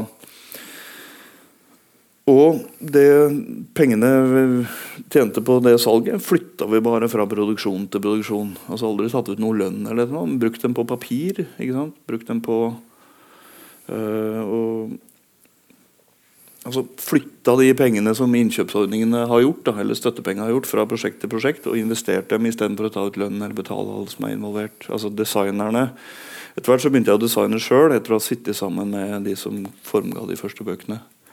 I InDesign, for øvrig. uh, og lærte meg bare ved å sitte sammen med Vanligvis så sender du et manuskript ut, og så får du satsen eller en PDF tilbake. Men jeg satt og jobba sammen med dem og så hvordan de jobba og lærte liksom, hva, hvordan man tenker og hvilke valg man tar i forhold til typografi. Og alt det der. Og ble veldig interessert i det. Uh, men de fikk jo betalt, altså de designerne. til å begynne med. Men så var det bare å flytte de pengene. Når det gjelder England og teologi, er også finansiert av Kulturrådet. Uh, den er jo ikke blitt innkjøpt, men her fikk vi prosjektstøtte. Uh, den engelske kanal blir kjøpt inn på lyrikkordningen, men utgis jo også av Kolon, som er et etablert forlag osv. Men hadde det ikke blitt innkjøpt, så hadde de neppe gitt ut den, tenker jeg. Eh, når det gjelder England forlag, så er det mer altså mine egne Jeg har aldri sagt noe produksjonsstøtte, og det hadde jeg nok ikke fått heller. for jeg, altså England forlag bruker jeg jo bare til å utgi mine egne ting. Det blir som å søke om et arbeidsstipend, på en måte. Og det gir jo ikke Kulturrådet penger til. Mm. Det må liksom involvere noen andre enn bare du Kan ikke søke om penger. Kan jeg få penger av det til å gi ut min bok? på en måte? Det, og det er også spørsmål for meg om å flytte penger. Altså ymse strøjobber som jeg bare Og så er de lagd i forholdsvis små opplag, sånn at det er mulig å lage de for hånd og, og sånn. Og sende dem ut til venner og bekjente i 100-200 X. Det blir jo dyrt i Norge etter hvert som portoen blir dyr. Men uh, igjen, da, jeg syns det er liksom verdt å Istedenfor å kjøpe en ny bil, eller en bil i det hele tatt. Eller gå på Posten. ja. Altså, jeg kan huske, da vi startede virkelig, der var det en af... Det, dengang var vi tre redaktører. Siden der har det været et kollektiv, hvor folk kunne komme ind og ud. Men der var der en, der havde fået en kalkyle fra Gyldendal. Altså en, en kalkyle, som man laver på en hver bog man siger, den koster det, der bruger det og det her penge, og den skal give det her, før den er, før den er løbet rundt. Og så prøvede vi at sidde med de der tal, og det var bare sådan helt håbløst. Altså, vi mistede faktisk modet. Indtil vi fandt ud af, at øh, der var noget galt med den der tænkning. Og det var, øh, at øh, den var fokuseret på, at øh, bogen var et produkt, som stoppede i det øjeblik, den blev solgt. Så stoppede bogen med at være til nærmest. Og det er et kæmpe problem med hele vores måde at tænke marked, altså det er jo kapitalismen. Du har produktet, indtil det bliver solgt, så er det et nyt produkt, det drejer sig om. Hvorimod, hvis man laver en anden vinkel på det, hvis man for eksempel øh, skærer ned igennem den, og så siger, produktet starter faktisk der, hvor det bliver solgt. Så kan man pludselig sådan, åh oh, gud, jamen hver bog er en kontaktflade. Øh, hvis den har nogle bestemte materialer, så vil de materialer blive genkendt næste gang. Øh, farver, navne, forfatterskaber. Der er en helt anden, det er bare sådan, det er, det er jo bare et rist det her. Men hvis, hvis bogen starter der, hvor den bliver solgt, i stedet for at slutte, så har du bare et helt andet øh, økonomisk grundlag. Så kan man for eksempel forsvare økonomisk øh, og bruge en fandens masse penge på Porto. Og man kan, man kan forsvare nogle af de der ting, som ligner økonomisk selvmord. På papiret. Det tænker jeg har været noget af det rigtig sjove, og nu er, bor vi i Auerland, Sofie og jeg, og det er jo mikrobønder. Øh, og jeg havde sådan tænkt på, ej, kan jeg snakke om mikrobønder i dag, fordi det er så spændende. Øh, små øh, gårde, der organiserer sig lidt ligesom småforlag, hvor de har bare de ting, de skal bruge, og de har nogle kontaktflader, som de kultiverer. Restauranter, ligesom vi har boghandlere osv. Nogle kanaler, som de så opdyrker, og som egentlig handler om fællesskab. Mm. Sociale fællesskaber, der lærer at kommunikere. At der er noget, der kan gå nogle veje. Og det er faktisk en samfundsdannelse. Det er så spændende. Og, så, og det, var, det var også en mikrobonde, der, der sagde, vi ønsker os flere konkurrenter. Det er bare sådan en åben, øh, generøs verden, hvor der selvfølgelig er hårdt arbejde øh, involveret. Men øh, de snakker meget i Auerland om uh, transformativ økologisk økonomi.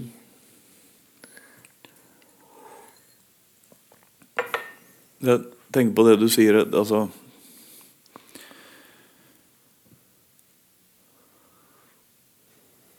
Det kan jo bli litt sånn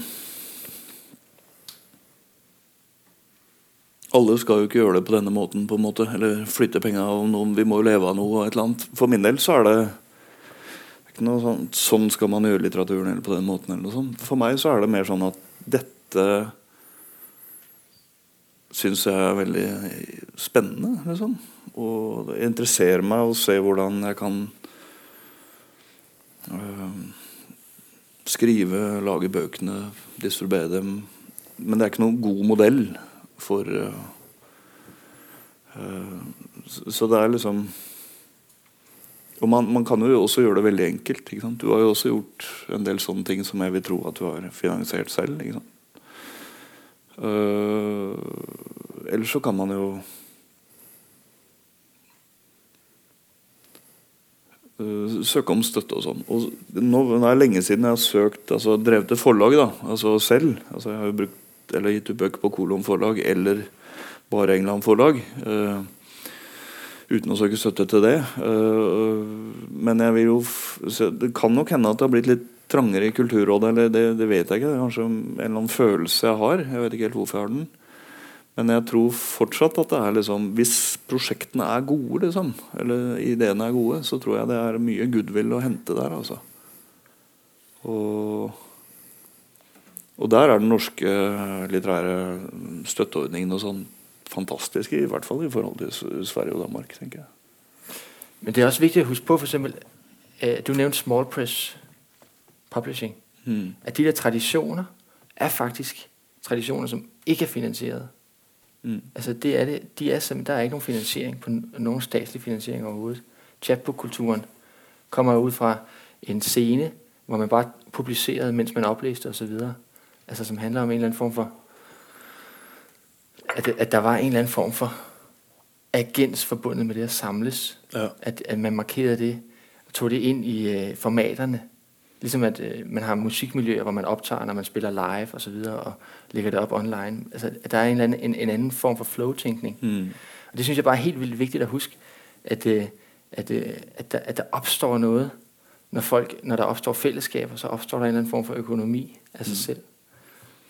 Og, og nå også, tenker jeg jo Altså Med sånn crowdfunding og ikke sant? Man kunne jo tegne opp en tidsskrift i det, f.eks. Og så og bedt folk omtrent altså tegne opp abonnement for ett eller to-tre år. Tatt høyde for noen produksjonskostnader for å lage det, porto. Tegne opp det prosjektet, spredd det på Facebook eller hvor man vil. ikke sant? Og så kunne man kanskje reist 50 000 kroner på det til en årgang med et eller annet. Altså, det finnes også veldig mange alternative finansieringsmodeller ved siden av Kulturrådet. Som også er mye enklere nå enn det var før. egentlig.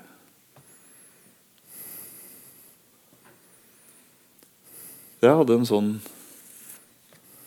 Jeg hadde lyst til å lage et tidsskrift som kom ut øh, etter modell av en øh, fransk Hvis dere har tid, forresten, så kom gjerne klokka åtte i kveld. Så skal vi snakke om øh, Claude Reichenau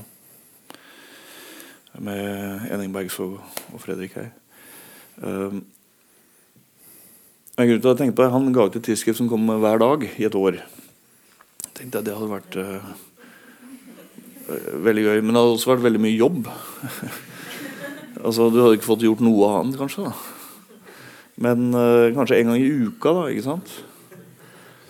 Og så hadde det vært veldig lett hvis du la det ut på en blogg. eller et eller annet sånt. Da hadde det vært veldig lite jobb. Men i øyeblikket du vil trykke det og liksom gå på posten, og sånn, så begynner det å ta veldig mye tid. Mens jeg er jo ikke så interessert i liksom det digitale. og Ikke at det er noe galt med det, men det interesserer ikke meg i noe særlig grad. egentlig.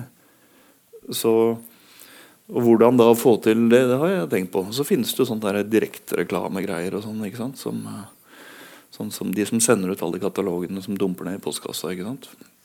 Kunne levert en adresseliste til dem og så sendt med en PDF en gang i uka. For eksempel, og så kunne de gjort utsendelsen. Og Det sjekka jeg ut, men det var ganske dyrt. Det tror jeg kosta nesten 100 000 kroner for å gjøre det i 52 uker, da, et år. Men det er jo og da har jeg liksom tenkt Jeg kan ikke søke Kulturrådet om penger til et helt idiotisk prosjekt. ikke sant? Hvorfor i all verden skal du liksom gjøre det? Men det kunne man jo reist penger til hvis du hadde tegnet opp den ideen. og spredt den på en eller annen måte. Eller, det vet jeg ikke så langt jeg har ikke tenkt. Men det er jo mange måter å distribuere ting på. Hvis du tenker sånn som at når du har laget det, så kommer inntektene, da, på en måte. Du kan jo prøve å reise det først. Alt rundt, da. Distribusjon og sånn.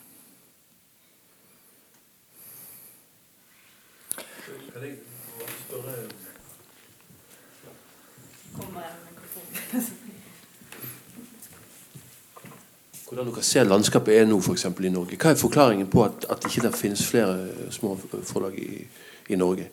Når, når, du ble invitert til, til Sverige på litterær gestaltning, så var det Stefan Söderblom som, som var rasende på det svenske eh, eh, forlagssystem. fordi at Får man antatt en bok i Sverige, så skal du velge, vente i to år før Mm. boken eh, blir utgitt. Man, man melder bøkene opp, og så står man og venter i to år. Så bøkene kommer ut to år etter at, at du har skrevet en helt ny diktsamling. Mm. Staffan var rasende så sier han, men, men, og inviterte Jørn til å si at, at nå må studentene lære seg å, å lage bøkene selv. Fikk det noen konsekvenser i Sverige? Og, altså, kan, kan du merke det når du reiser rundt i det miljøet som er små forlag, at, at, at, det, at det skjer noe? Og hvorfor skjer ikke det noe i, i Norge foreløpig? Mm.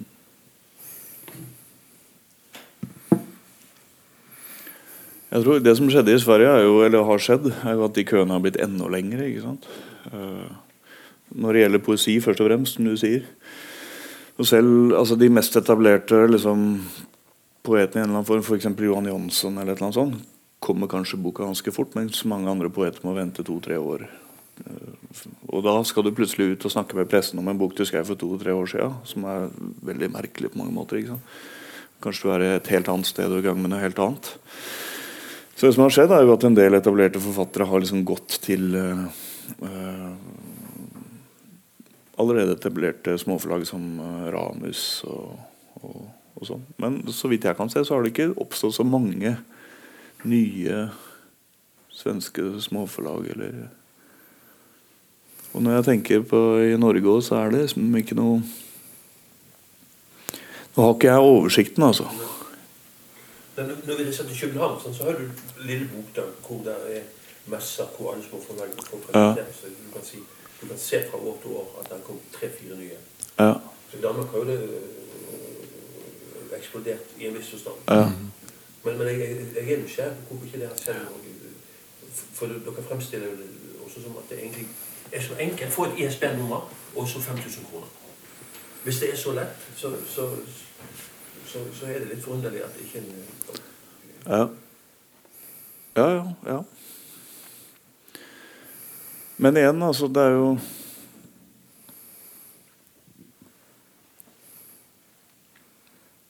Man må jo interessere seg for det, eller ville drive med det. ikke sant? For det er, ja. Geir Gulliksen for 20 år siden, så, før han ble redaktør på Oktober, så var han på Studentersamfunnet i Bergen så sa han kunne ikke forstå hvorfor ikke det var et forlag i Bergen. Mm. Det er så mange gode miljøer, er så mange unge Det er sant. skrivere. Nå sitter vi her alle sammen, for nå skal vi lage det. Ja. ja, men skal dere det? Er det mange som skal lage forlaget her? Eller Altså, bare for å ta akkurat det, da. Hvis du vil ha et ISBN-nummer Hvor mange her i rommet har fått et ISBN-nummer noen gang? Tormod? Ane? Ja. Tre? På, på festivalkataloget? Eller, ja. Ja. Det koster jo ingenting. altså Man skriver til Nasjonalbiblioteket, sier at du utgir en bok, du har et forlagsnavn som du har funnet på, eller, og så har du en bok, og du må ha en forfatter og en tittel. Så får du et, eh, en mail tilbake med et ISBN-nummer. Og da er det jo prinsippet i gang. Men så er det jo alt det andre som er eh, Altså det må produseres, og det må distribueres, og eh, ja, sånn som Andreas sa, redaksjon, produksjon, distribusjon. Som er de tinga som tar tid, og, og som man ofte er usikker på. Hvordan fungerer det i Norge? Fordi i Danmark der har der et av de store logistiske selskaber har lavet en ordning for å imødekomme de små forlag, som sier eh, du kan ha 20 kilo per bog stående gratis hos os, og så koster det 25 kroner per titel, der bliver solgt ud, i stedet for for eksempel 10 eller 13, som det typisk er for en titel. Så der er en, det er dobbelt så dyrt, men til gengæld så har du den fordel, at der ikke er nogen faste udgifter. Mm. Det har jeg brugt. Og selv nu, hvor jeg har stor, hvor jeg har meget salg, bruger jeg det. Det kan diskuteres, hvor klogt det er. Men den der, den der fordel for mig ved ikke at have nogen faste udgifter med lagerplads øh, og forsendelse, den er så stor, at det er det, jeg prioriterer. Det giver mig fuldstændig frihed. Øh, Hvordan er det i Norge? Altså, så, så har du, du har, øh, lad os sige, fire sider eller otte sider. Hvem kan distribuere den? Ja. Du har jo øh, et initiativ som sprang ut av det der audiaturfestival øh, miljøet her i Bergen for mange år siden. Martin Sørhaug, som nå bor i Moss og driver Audiatur bokhandel fra Moss. Og Han har det fortsatt noe som han kaller for distribusjon for skandinavisk småpresse. Som er i prinsippet altså, Hvis noen av dere lager en bok eller et tidsskrift, så kan, er det bare å skrive til han, og så tar han kanskje inn 10 eller 20 X, eller noe sånt, og så har han dem. Uh, og, og de ligger i nettbokhandelen der. Og så kan man også registrere titlene sine i noe som heter Den norske bokdatabasen. Og det koster noe sånn som eh, 100 kroner å registrere en tittel. Eller noe sånt. Og så koster det 13 kroner i året for å ha den registrert. Men det betyr i praksis at hvis du gjør den jobben med å henvende deg til den norske bo- bokdatabasen, registrere en tittel, og du blir enig med eh, Martin Sørhaug i Moss om at de har noen på lager, så kan dere gå inn i en bokhandel her i Bergen hvor som helst, her nede for eksempel, og så kan du søke det opp i Mentor. Så får du treff på den boka fordi den er registrert, og så kan du legge inn en bestilling. Hvilken som helst bokhandel i hele landet. Og så kommer den bestillinga til Martin Sørhaug i Moss, som går på posten og sender den ut med faktura og alt sammen til en bokhandel. da, I forhold til de avtalene han måtte ha med bokhandler. Uh, og det- er jo en gave, tenker jeg. I Danmark er det litt mer etablert og større og sånn. Men det er han som Martin som gjør Håpress. Altså Håpress har jo vært lagt ned nå i ti år. Men det finnes fortsatt noen bøker som ligger i norske bokdatabasen og kan bestilles og kjøpes og sånn. Og da gjør han den jobben. Og så tar han en prosent av det.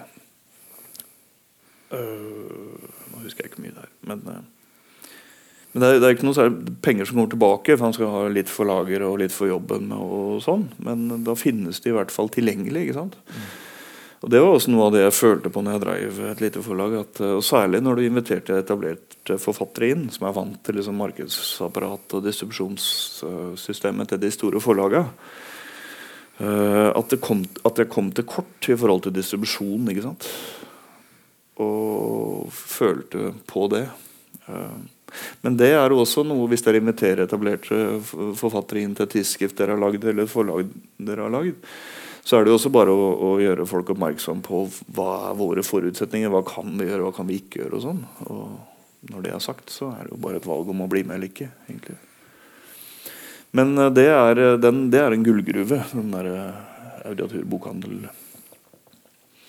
Jeg forsøkte med H-press også å ha det som er det nærmeste man kommer i Norge. Altså, du har to, De store forlagene bruker to forskjellige distribusjoner. Noe som heter sentraldistribusjon og Forlagssentralen. Som har liksom alle bøkene. Og, og Det er det de fleste forlagene bruker. Men det kosta veldig mye penger i forhold til hvor lite. Det prøvde jeg vel ett eller to år. Men det tapte jeg rett og slett penger på. Og så ble det Auditur som overtok. Og Det tjener jeg jo ingen penger på, men jeg taper i hvert fall ikke noe penger. Så Men da, da, er de der, ikke sant? Tilgjengelig. da. I nettbokhandler også. I det øyeblikket du har registrert noe i den norske bokdatabasen, apropos det du om i stad, André, så der, registrerer dere der, så rup, er boka di i alle nettbokhandlere i hele Norge. Det betyr ikke at de har det på lager, men hvis du bestiller, så går det inn til Haugen Bok, og så bestiller Haugen Bok den boka fra Martin Sørhaug i Moss, som sender til Haugen Bok. Så du får den ikke så veldig fort, men du, den finnes. ikke sant? Mm.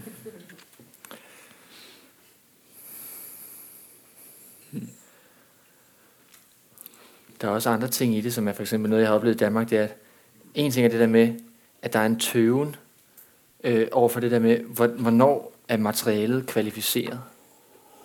Og der er jo en mytologi i forfatterverdenen, det må man bare erkende, at det er forlægene der kvalificerer et materiale. Det er kun, hvis det bliver antaget, at det, at det, er, at det er godt nok. Og det er jo både rigtigt og forkert.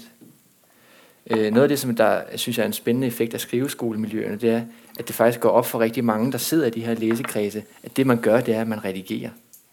Man tager imod tekst og responderer og skaber en receptionskultur, øh, som man kan bruke i redaksjonsmiljøer, og man, og man har en dialog kørende. Og rigtig mange af de her skriveskolemiljøer fortsætter skrivegrupper ude, ligesom i, i, i kunstnerdrevne gallerier osv. Øh, så jeg tænker, det der med at faktisk øh, ture tro på øh, at få afmystificeret den der kvalifi- kvalificering af et materiale. At det handler om at sætte og få en forståelse af, hvad er en arbejdsgang redaktionelt. At det tager 10 gange frem og tilbage, måske 20, måske 30. Og det er en dialog, og man mødes, og man snakker, og så kommer den der kvalifikation. Mm. Det tror jeg er vigtigt at få afmystificeret den. Og noget andet er helt det der med, at øh, de små sprogområder, det er vigtigt at have nogle øh, operative redskaber til for eksempel øh, hvis, hvis, hvis I vil udgive oversættelser af en stor europæisk forfatter, hvordan nærmer man sig og spørger om rettigheder osv.? Mm. Øh, der skal man bare vide helt præcist, hvilken type rettigheder kan man købe. Kan man købe eksklusive rettigheder, non-eksklusive? Hvad er prisforskellen? Mm. Hvad, hvad skal man bruge? Ikke? Skal man bruge rettigheder? Øh, øh, jeg har for eksempel på virkelig en af mine metoder har været at købe non-eksklusive rettigheder til alle, alle de store værker. Fordi hvis jeg har købt, øh, hvis jeg har en oversætter til at oversætte Peter Hanke, så kan jeg købe eksklusive rettigheder for 15.000, og jeg kan købe non-eksklusive rettigheder for 2.000. Mm. Og der er ikke chance for, at der er noen i Danmark, en lille bit befolkning, der vil oversette den samme Peter Hanke-bog, som jeg har oversett. Der er bare no chance.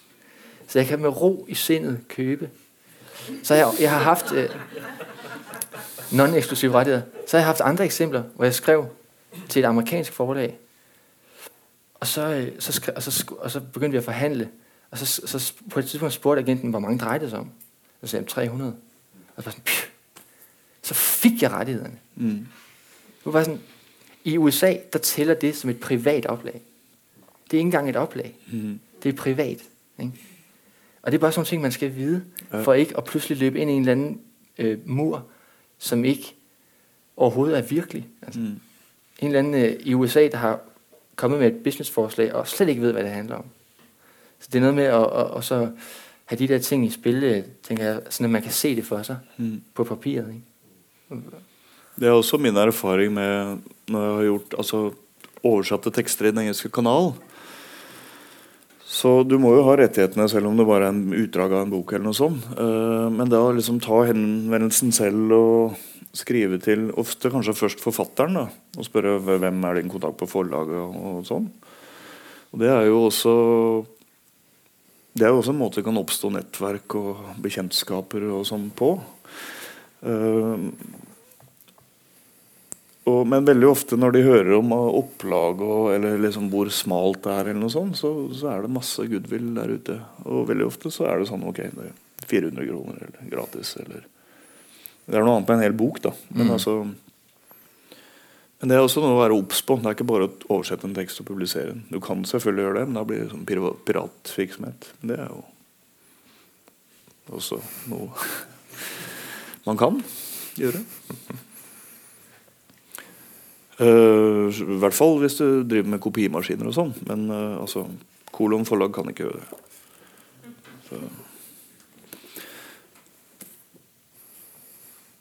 Men igjen, altså, det ligger en del ting til rette altså, for å gjøre det sjøl. Også i forhold til distribusjon i Norge med, med den derre DSSP. Distribusjon for skandinavisk eh, småpresse. Eh, Martin Sørhaug er redaktør i Moss. Og det er bare å sende en mail litt og spørre. Så vet han godt hva det dreier seg om. Eller, ja. Er det noen sp øh, spør?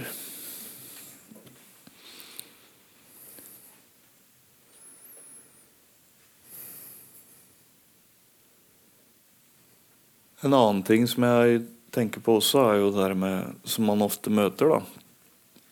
Altså produksjon. En ting er jo å trykke det, men det skal jo også formgis, da, som vi tenker på som en del av den der produksjonsleddet.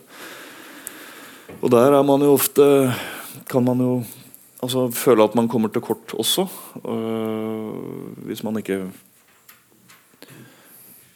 Altså, man kan jo kopiere opp Word-sider på, på en kopimaskin og gjøre det ganske enkelt. Eller du kan prøve å sette det og med dem noen verktøy som kanskje koster penger. InDesign koster penger. Eller Alt det der er jo ofte ting som eh, Som man setter bort hvis man ikke kan det sjøl, og ofte må betale for det. Um, men det er jo ting som vi har gjort sjøl. Men eh, og, og lært oss. Liksom, prøvd og feila og, og sånn.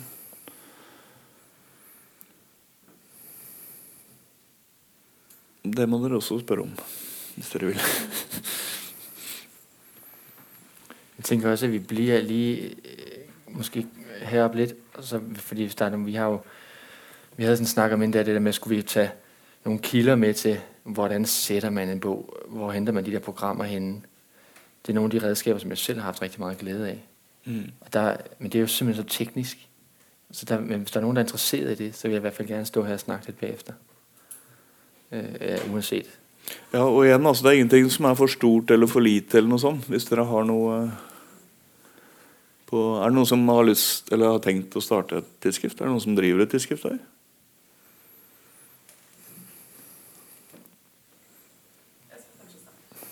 Ja, hva da?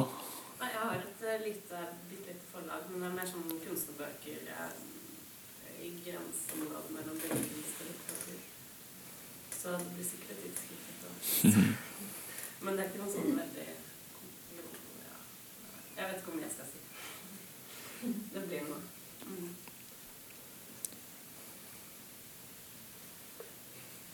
Men jeg hadde egentlig en uh, Siden jeg først begynte å snakke Ja, jeg fortsett. hadde egentlig en sånn tilleggsopplysning. Uh, for, jeg vet ikke om du kjenner til det, men Kulturrådet har begynt å jobbe for en innkjøpsordning for uh, kunstnerbøker og mindre Ja. publikasjoner. Dere har kanskje snakka med dem? Eh, Nei, jeg kjenner ikke så godt til det, men jeg har hørt om det. ja. Eh, det tenker jeg Jeg, jeg synes det var kjempeinteressant eller sånn, å tenke på det her med innkjøpsordningen, som jo er en fantastisk og helt unik ordning i Norge. Men at det også kanskje kan ha forhindra en sånn virksomhet på uh, små, små publikasjoner, eller gjort det mindre attraktivt. Mm. Um, men jeg er også usikker på um, hvor mye ansvar Eller hva Altså Hvis man ser på kunstfeltet, f.eks., der blir det jo gitt ut uh, småting, småpublikasjoner, alle mulige slags selvorganiserte prosjekter og utstillinger hele tida. Mm. Um, og, og da tenker jeg det har, det har mindre med støtteordningene å gjøre enn med det faktum at det ikke er Altså I Norge er det jo noen store forlag som uh, har veldig mye makt og autoritet. og Man blir ikke sett på som en seriøs forfatter med mindre man har gitt ut en bok på et forlag. Mm. Mens kunstfeltet så vil jo aldri noe sånt skje. Nei. Man vil aldri havne under en sånn stor organisasjon og bli støtta på den måten. Mm. Så jeg tenker at det er veldig mye frihet i det, å ikke at det er mye større maktspredning i kunstfeltet. Ja. Men jeg tror det er riktig. altså Hvis du ser til Sverige og Danmark f.eks., hvor du ikke har så gode støtteordninger, så finnes det også tydeligere småforlag f.eks. Men jeg tror også grunnen til at det er sånn, er at kunsten jobber liksom kollektivt på en helt annen måte, og fellesskapet er liksom mer etablert både i utdanning og i praksis seinere. enn det er i litteraturfeltet, ikke sant? hvor det er veldig sånn du tror du sitter aleine og skriver, som du jo gjør også, i hvert fall. Og så er det det, liksom. Ikke sant? At det, den der kollektive tankegangen eller det fellesskapet som det er mulig å lage i dette her, da. At man ikke tenker på det på samme måten innenfor litteraturen. Det er også noe med, med det, tror jeg. Er dere helt avhengig av å bruke stort sett forfattere som også har et annet forlag? Eller liksom Mye av de du snakket om, er folk som har store forlag. Mm. Eh, eller ser du på altså sånn, På den måten blir du også en gjenbruk av de samme forfatterne som Mm. allerede har et kjempeforlag, og som også gjør at det kan gå rundt, for de har allerede et stort navn. Mm. Men Eller er det et sidespor der? Altså hvordan er det å utgi Ja. som status? Ja, ja, ja. Det. Det er jo, altså For min del, uh, når, når jeg starta på Håpress, var det liksom litt samtidig som jeg hadde mye med å gjøre, var liksom Gaspedal her i Bergen. Med Audun Lindholm, Øystein Widnes og Susanne Christensen, som liksom var drivkraften i det. Og de hadde jo, altså de utga jo Vemund Holland Solheim og, og eh, stort sett uetablerte forfattere. da. Uh, og det gjør jo mange småforlag. ikke sant? At, uh, og ofte at man begynner, altså studenter lager tidsskrifter og forlag og sånn, og utgir hverandre. eller... Og da er det jo ikke etablerte folk. Men mitt poeng var ikke å lage et forlag uh, som jeg skulle leve av. eller noe sånt. Jeg ville heller egentlig se hva disse etablerte forfatterne kunne skrive, hvis de blir invitert plutselig inn i Skriv en poetikk, på en måte. Uh, skriv hva du vil, men vi kaller det en poetikk. Hva gjør det med det du skriver? Eller ikke skriv lenger enn 32 sider, og så er du vant til å skrive en kjempesvær bok. Hva gjør det med den teksten du lager? Ikke sant? Det var det som interesserte meg mer enn å få det til å gå rundt som et forlag, egentlig. Altså, du si det. Har du opplevd eh, negativ respons fra forlag? Altså at du på en måte stjeler forfatter, eller en form for utroskap oppstår eh, Ja.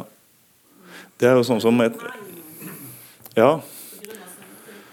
Eh, det, jeg har fått noen nei, altså, men ikke når jeg driver tidsskrift. Det er noe annet. Folk skriver tidsskrift. ikke sant? Men når jeg starta opp Håpress, så var det noen som sa nei av forskjellige grunner. Eh, Sikkert, og sikkert noen som tenkte på det også.